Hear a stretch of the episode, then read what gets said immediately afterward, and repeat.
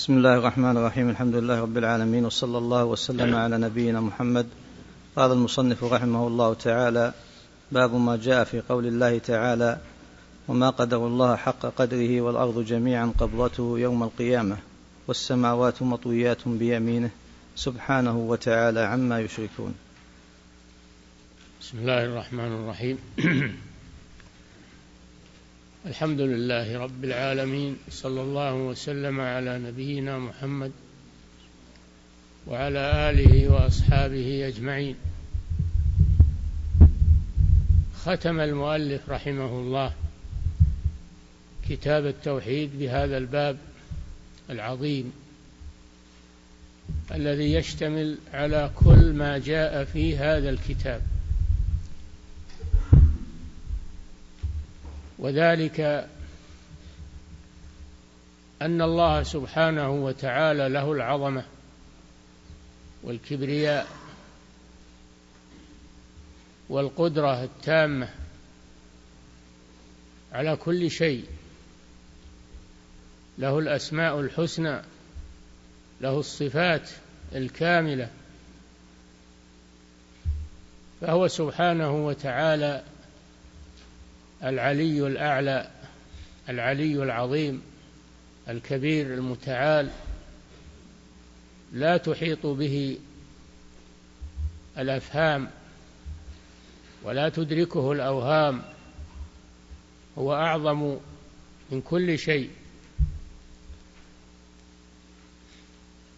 كما وصف نفسه بذلك ووصفه به رسوله صلى الله عليه وسلم. فمن تنقص الله عز وجل ووصفه بغير ما وصف به نفسه أو سماه بغير أسمائه التي سمى بها نفسه أو أشرك به في عبادته فإنه لم يقدره حق قدره سبحانه بل تنقصه ولم يتصور عظمة الله سبحانه وتعالى. لم يقدر لم يقدره حق قدره من أشرك به وعبد معه غيره. ممن لا يخلق ولا يرزق ولا يقدر. من هو مخلوق؟ أفمن يخلق؟ كمن لا يخلق؟ أفلا تذكرون؟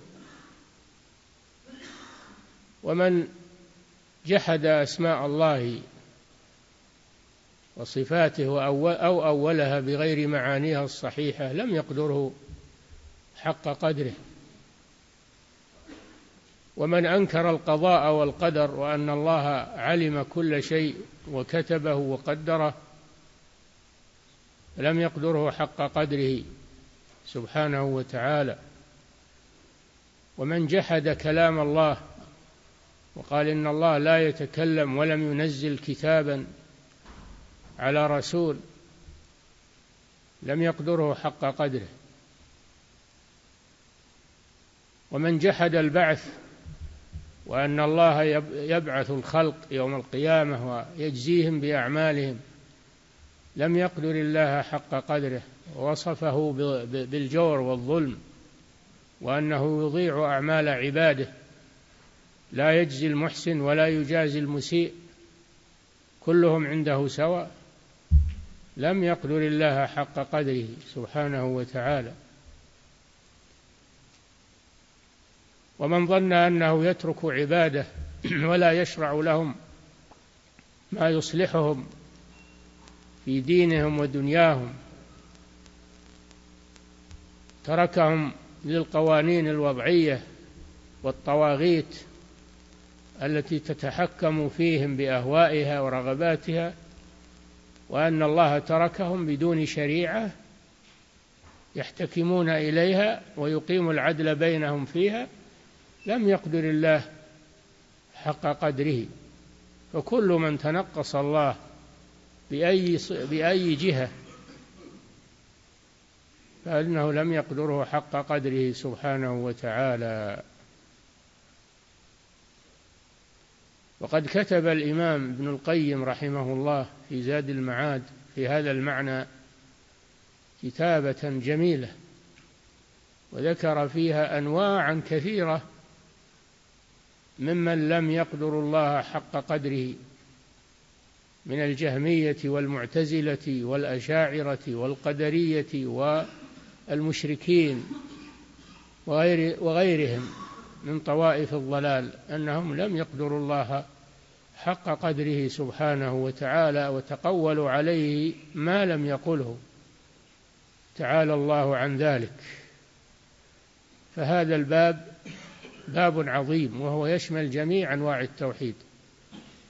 توحيد الربوبية توحيد الألوهية وتوحيد الأسماء والصفات. هذا الباب يشملها جميعا. وهذا موجود عند اليهود. عظمة الله وقدرته وكماله سبحانه. هذا موجود في التوراة التي أنزلها الله على موسى. ما لم يحرف منها ويبدل فهو موجود. ومن ذلك هذا النموذج الذي ذكره المؤلف في هذا الباب عن حبر من أحبارهم. فهو شاهد للحق. نعم. عن ابن مسعود رضي الله عنه قال جاء حبر من قال قال جاء حبر من الأحبار إلى رسول الله صلى الله عليه وسلم فقال يا محمد إنا نجد أن الله يجعل السماوات على أصبع والأراضين على أصبع والشجر على أصبع والماء على أصبع والثرى على أصبع وسائر الخلق على أصبع. فيقول أنا الملك. فضحك النبي صلى الله عليه وسلم حتى بدت نواجذه تصديقا لقول الحبر. ثم قرأ وما قدر الله حق قدره والأرض جميعا قبضته يوم القيامة. نعم. الحبر هو العالم من اليهود. العالم من اليهود يسمونه حبرا. والراهب من النصارى العابد من النصارى يسمونه راهبا. الأحبار والرهبان من اليهود والنصارى. فجاء هذا الحبر وهو عالم من من علماء اليهود. لأن اليهود عندهم علم لكنهم كفروا به والعياذ بالله وجحدوه. ولذلك غضب الله عليهم. لأنهم عندهم علم ولم يعملوا به. فالذي لا يعمل بعلمه هذا مغضوب عليه. والذي يعمل بجهل هذا ضال. غير المغضوب عليهم ولا الضالين. مغضوب عليهم هم الذين عندهم علم ولكنهم لا يعملون به. والضالون هم الذين يعبدون الله لكن على جهل. لا على علم. والذين أنعم الله عليهم هم الذين جمعوا بين العلم النافع والعمل الصالح. هؤلاء هم الذين أنعم الله عليهم. هذا اليهودي العالم جاء إلى الرسول صلى الله عليه وسلم وقال يا محمد لأنهم لا يعترفون برسالته ولذلك ناداه باسمه. ناداه باسمه قال يا محمد إنا نجد أن الله يجعل هذه الكائنات وهذه المخلوقات على أصابعه يوم القيامة. هذا شيء عجيب. مخلوقات السماوات والأرض يجعلها الله على أصابعه يوم القيامة. هذا يدل على عظمة الله سبحانه وتعالى. وهذا ليس بغريب على الله. الله هو الذي خلقها. وهو القادر على أن يقبضها. فلا يستغرب على قدرة الله شيء سبحانه هو الذي خلقها وأوجدها. ألا يقدر على أن يقبضها يوم القيامة؟ وهذا موجود في القرآن كما هو موجود في التوراة فهو موجود في القرآن لأن كل من عند الله. وما قدر الله حق قدره إذ قالوا ما أنزل الله على بشر من شيء. هذا في سورة الأنعام. الذين جحدوا النبوات جحدوا الوحي ما قدروا الله حق قدره حيث اتهموه بأنه يضيع عباده ولا يشرع لهم ما يصلحهم. وفي سورة الزمر وما قدروا الله حق قدره والأرض جميعا قبضته يوم القيامة والسماوات مطويات بيمينه سبحانه وتعالى عما يشركون. فيقبض الله السماوات بيمينه والأرضين بشماله وشماله يمين سبحانه وتعالى كلتا يديه يمين. فيقبض السماوات والأرض بيديه سبحانه وتعالى بكفيه على أصابعه هذه قدرة الله التي لا يحيط بها عقل ولا يدركها فهم فوق كل شيء لا يتصورها المتصورون. ومما يقرب لك ذلك إذا علمت أن الله هو الذي خلقها خلق هذه المخلوقات الهائلة هو قادر على أن يقبضها سبحانه وتعالى كما جاء في التوراة والقرآن. نعم. وفي رواية لمسلم والجبال والشجر على أصبع ثم يهزهن فيقول أنا الملك أنا الله. ففيه وصف الله جل وعلا باليدين والكفين واليمين والشمال وفيه وصف الله بالأصابع. هذه صفات ذاتية نثبتها لله عز وجل كما جاءت وليست مثل أيدينا وأصابعنا لا نتصور هذا. إصبعك أنت ما يتحمل ولا ولا شيء يسير تحمله على إصبعك. ما ما يتحمل. لكن أصابع الله جل وعلا لا يعلمها إلا هو. وعلى كل شيء قدير وهو العظيم سبحانه وتعالى. لا يحاط بعظمته ولا يحيطون به علما. فلا تتصور أن أصابع الله مثل أصابعك أو أن كفه مثل كفك أو يده مثل يدك. هذا تصور باطل وخاطئ. هذا ما قدر الله حق قدره لأنه قاسه على المخلوق فهو تنقص الله سبحانه وتعالى. نعم. وفي رواية لمسلم والجبال والشجر على أصبع ثم يهزهن فيقول أنا الملك أنا الله. يوم القيامة لا ملك لأحد. الدنيا فيها ملوك فيها رؤساء وفيها ولكن في الآخرة ما يتساوى الناس. ما فيه ملك ولا مملوك ولا ولا. الملك هو الله جل وعلا. لمن الملك اليوم؟ ثم يجيب نفسه فيقول لله. الواحد القهار. لا أحد يستطيع أن ينازع الله في هذا اليوم. لمن الملك اليوم؟ ما يجيب أحد ما يستطيعون. ثم يجيب نفسه سبحانه. لله الواحد القهار. فالملك يوم القيامة لله عز وجل. لا ينازعه أحد ولا فيها ملوك ولا رؤساء ولا ولا. كلهم سواء ولا بد أن يقيم الله العدل فيهم فيميزهم إلى فريقين فريق في الجنة وفريق في السعير. نعم.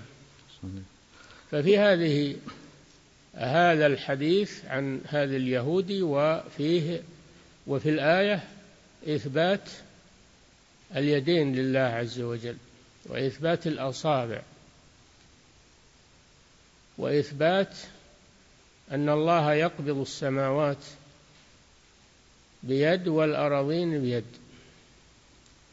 كما فصلها الحديث كما فصلها الحديث الشريف. نؤمن بهذا ولا ندخل في إشكالات كيف وكيف. نؤمن به ولا نحيط به علما سبحانه وتعالى. نكل كيفيته إلى الله سبحانه وتعالى. نثبته كما جاء. ولا نقول لما وكيف ونتساءل. هذا ما هو من صلاحياتنا. نحن مأمورون بالإيمان والتسليم لله عز وجل فيما جاء عنه وجاء عن رسله. وفيه أن النبي صلى الله عليه وسلم يضحك عند الشيء الذي يعجبه. يسر بهذا. هذا ضحك سرور. فسر النبي صلى الله عليه وسلم بأن جاء بأن شهد الحبر على ما جاء في القرآن ووافق ما في القرآن. فسر النبي صلى الله عليه وسلم وضحك عند ذلك مسرورا حتى بدت نواجذه أي أطراف أضراسه صلى الله عليه وسلم. وهذا غاية ما يكون من ضحكه صلى الله عليه وسلم. الرسول ما يقهقه يفتح فاه مثل بعض الناس إنما يتبسم وإذا بالغ بدت نواجذه صلى الله عليه وسلم. لأن الله جبله على الحياة وعلى الخلق العظيم. وفيه في هذا الحديث أن التوراة من عند الله نزلها على رسوله موسى عليه السلام كما أن الله أنزل القرآن على محمد صلى الله عليه وسلم وأن التوراة والإنجيل تتوافقان في العقيدة وفي التوحيد وفي الأسماء والصفات وإن كانت تختلف في بعض الشرائع العملية. كل جعلنا منكم شرعة ومنهاجا أما الأصل فهو واحد. عند جميع الأنبياء والمرسلين وهو التوحيد. واحد لا يختلف. وأما الشرائع العملية فقد تختلف بحسب مصالح العباد. وينسخ الله منها ما يشاء ويقر ما يشاء سبحانه وتعالى. نعم. وفي رواية لمسلم والجبال والشجر على أصبع ثم يهزهن فيقول أنا الملك أنا الله. وفيه إثبات الأصابع لله عز وجل. نعم.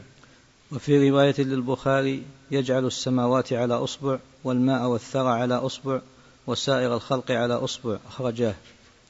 نعم كما جاء. لا نتدخل فيه نثبته ولا نتدخل فيه.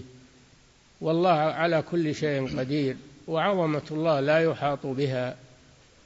نعم. ولمسلم عن ابن عمر رضي الله عنهما مرفوعا يطوي الله السماوات يوم القيامة ثم يأخذهن بيده اليمنى ثم يقول أنا الملك أين الجبارون؟ أين المتكبرون؟ ثم يطوي الأراضين السبع ثم يأخذهن بشماله ثم يقول أنا الملك أين الجبارون؟ أين المتكبرون؟ هذه الرواية فيها تفصيل لما أجمل في الآية والحديث الذي قبلها فيها تفصيل أن الله يطوي السماوات بيمينه ويطوي الأراضين بيده الشمال وهي اليمين أيضا كلتا يديه يمين سبحانه وتعالى. يطويهما كما يشاء سبحانه وتعالى.